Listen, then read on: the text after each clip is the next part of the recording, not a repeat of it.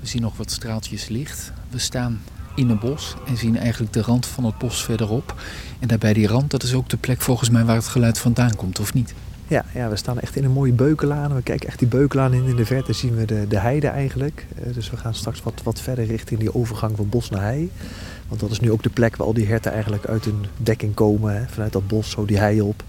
Naar de, op zoek naar de dames. En, en daar gaat dat spektakel de, hele nacht door eigenlijk. eh, Dat geburrel en, en dat, ja, de bronstijd van de edelherten. Hè. Ja. En dan gaan de mannen dus inderdaad op zoek naar de dames. En de mannen krijgen het ook wel eens met elkaar aan de stok. Ja, vaak hebben ze een groepje dames al wel bij zich verzameld hoor. Die hebben ergens in de dekking in het bos gelegen. En die gaan nu dat terrein op om op zoek naar, naar voedsel te gaan. En die proberen dat, ja, dat, dat, dat harempje dames eigenlijk bij zich te houden. Maar ja, concurrenten zijn altijd in de buurt eigenlijk. En eh een moment van op onlettendheid eh, kan ervoor zorgen dat je zomaar een deel van je dames kwijtraakt aan, aan de concurrent. Dus je moet er wel je, je kop bij houden eh, de hele nacht, ja. Dat roept de vraag op wie is nou de baas? Eh, de hinde of het mannetje? Ja, die discussie gaat vaak. Hè.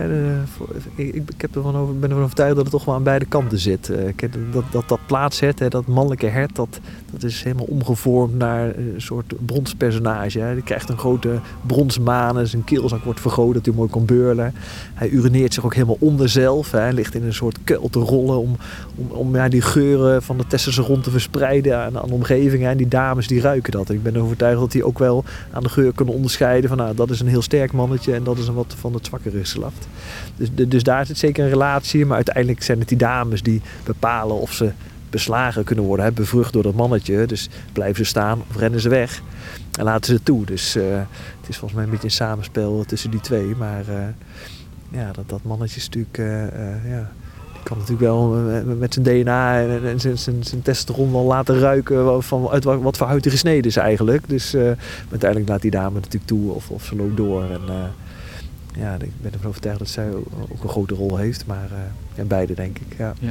Als wij, en dan vertaal ik het een beetje naar de grote mensenwereld, maar stel wij zouden het met elkaar aan de stok hebben en jij bent mega groot, dan denk ik, nou laat maar, hè, dan wordt het geen vechten tussen ons. Maar als we een beetje aan elkaar gewaagd zijn, dan zou het wel eens mis kunnen gaan.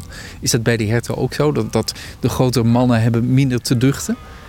Nee, dat klopt zeker. Je ziet in zo'n bronsperiode, hè, dat in het begin dan zijn het nog de jonge mannetjes die op dat, op dat veld staan bij de dames. Maar die maken op een gegeven moment heel snel plaats voor de men- mannen die echt van betekenis Het zijn. voorprogramma. En, eh, ja, Net als het vechtsport op voorprogramma, tv. zeker. Die mogen gewoon even oefenen inderdaad. En eh, die kunnen er even een beetje aan ruiken. Maar op het moment dat het echt eh, om, het, om het bevruchten gaat, dan, dan zijn ze echt niet meer op het toneel aanwezig.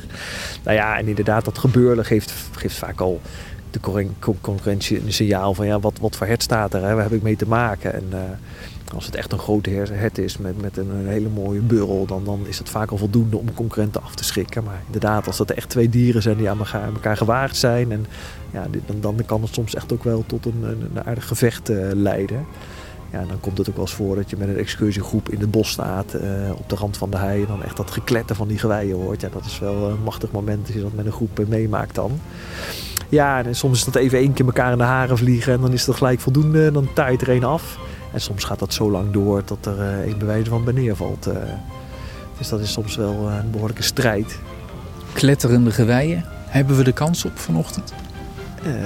Dat is zeker mogelijk. We gaan gewoon richting de rand van, van die hei en eens even luisteren. Eens kijken wat we, wat we kunnen horen.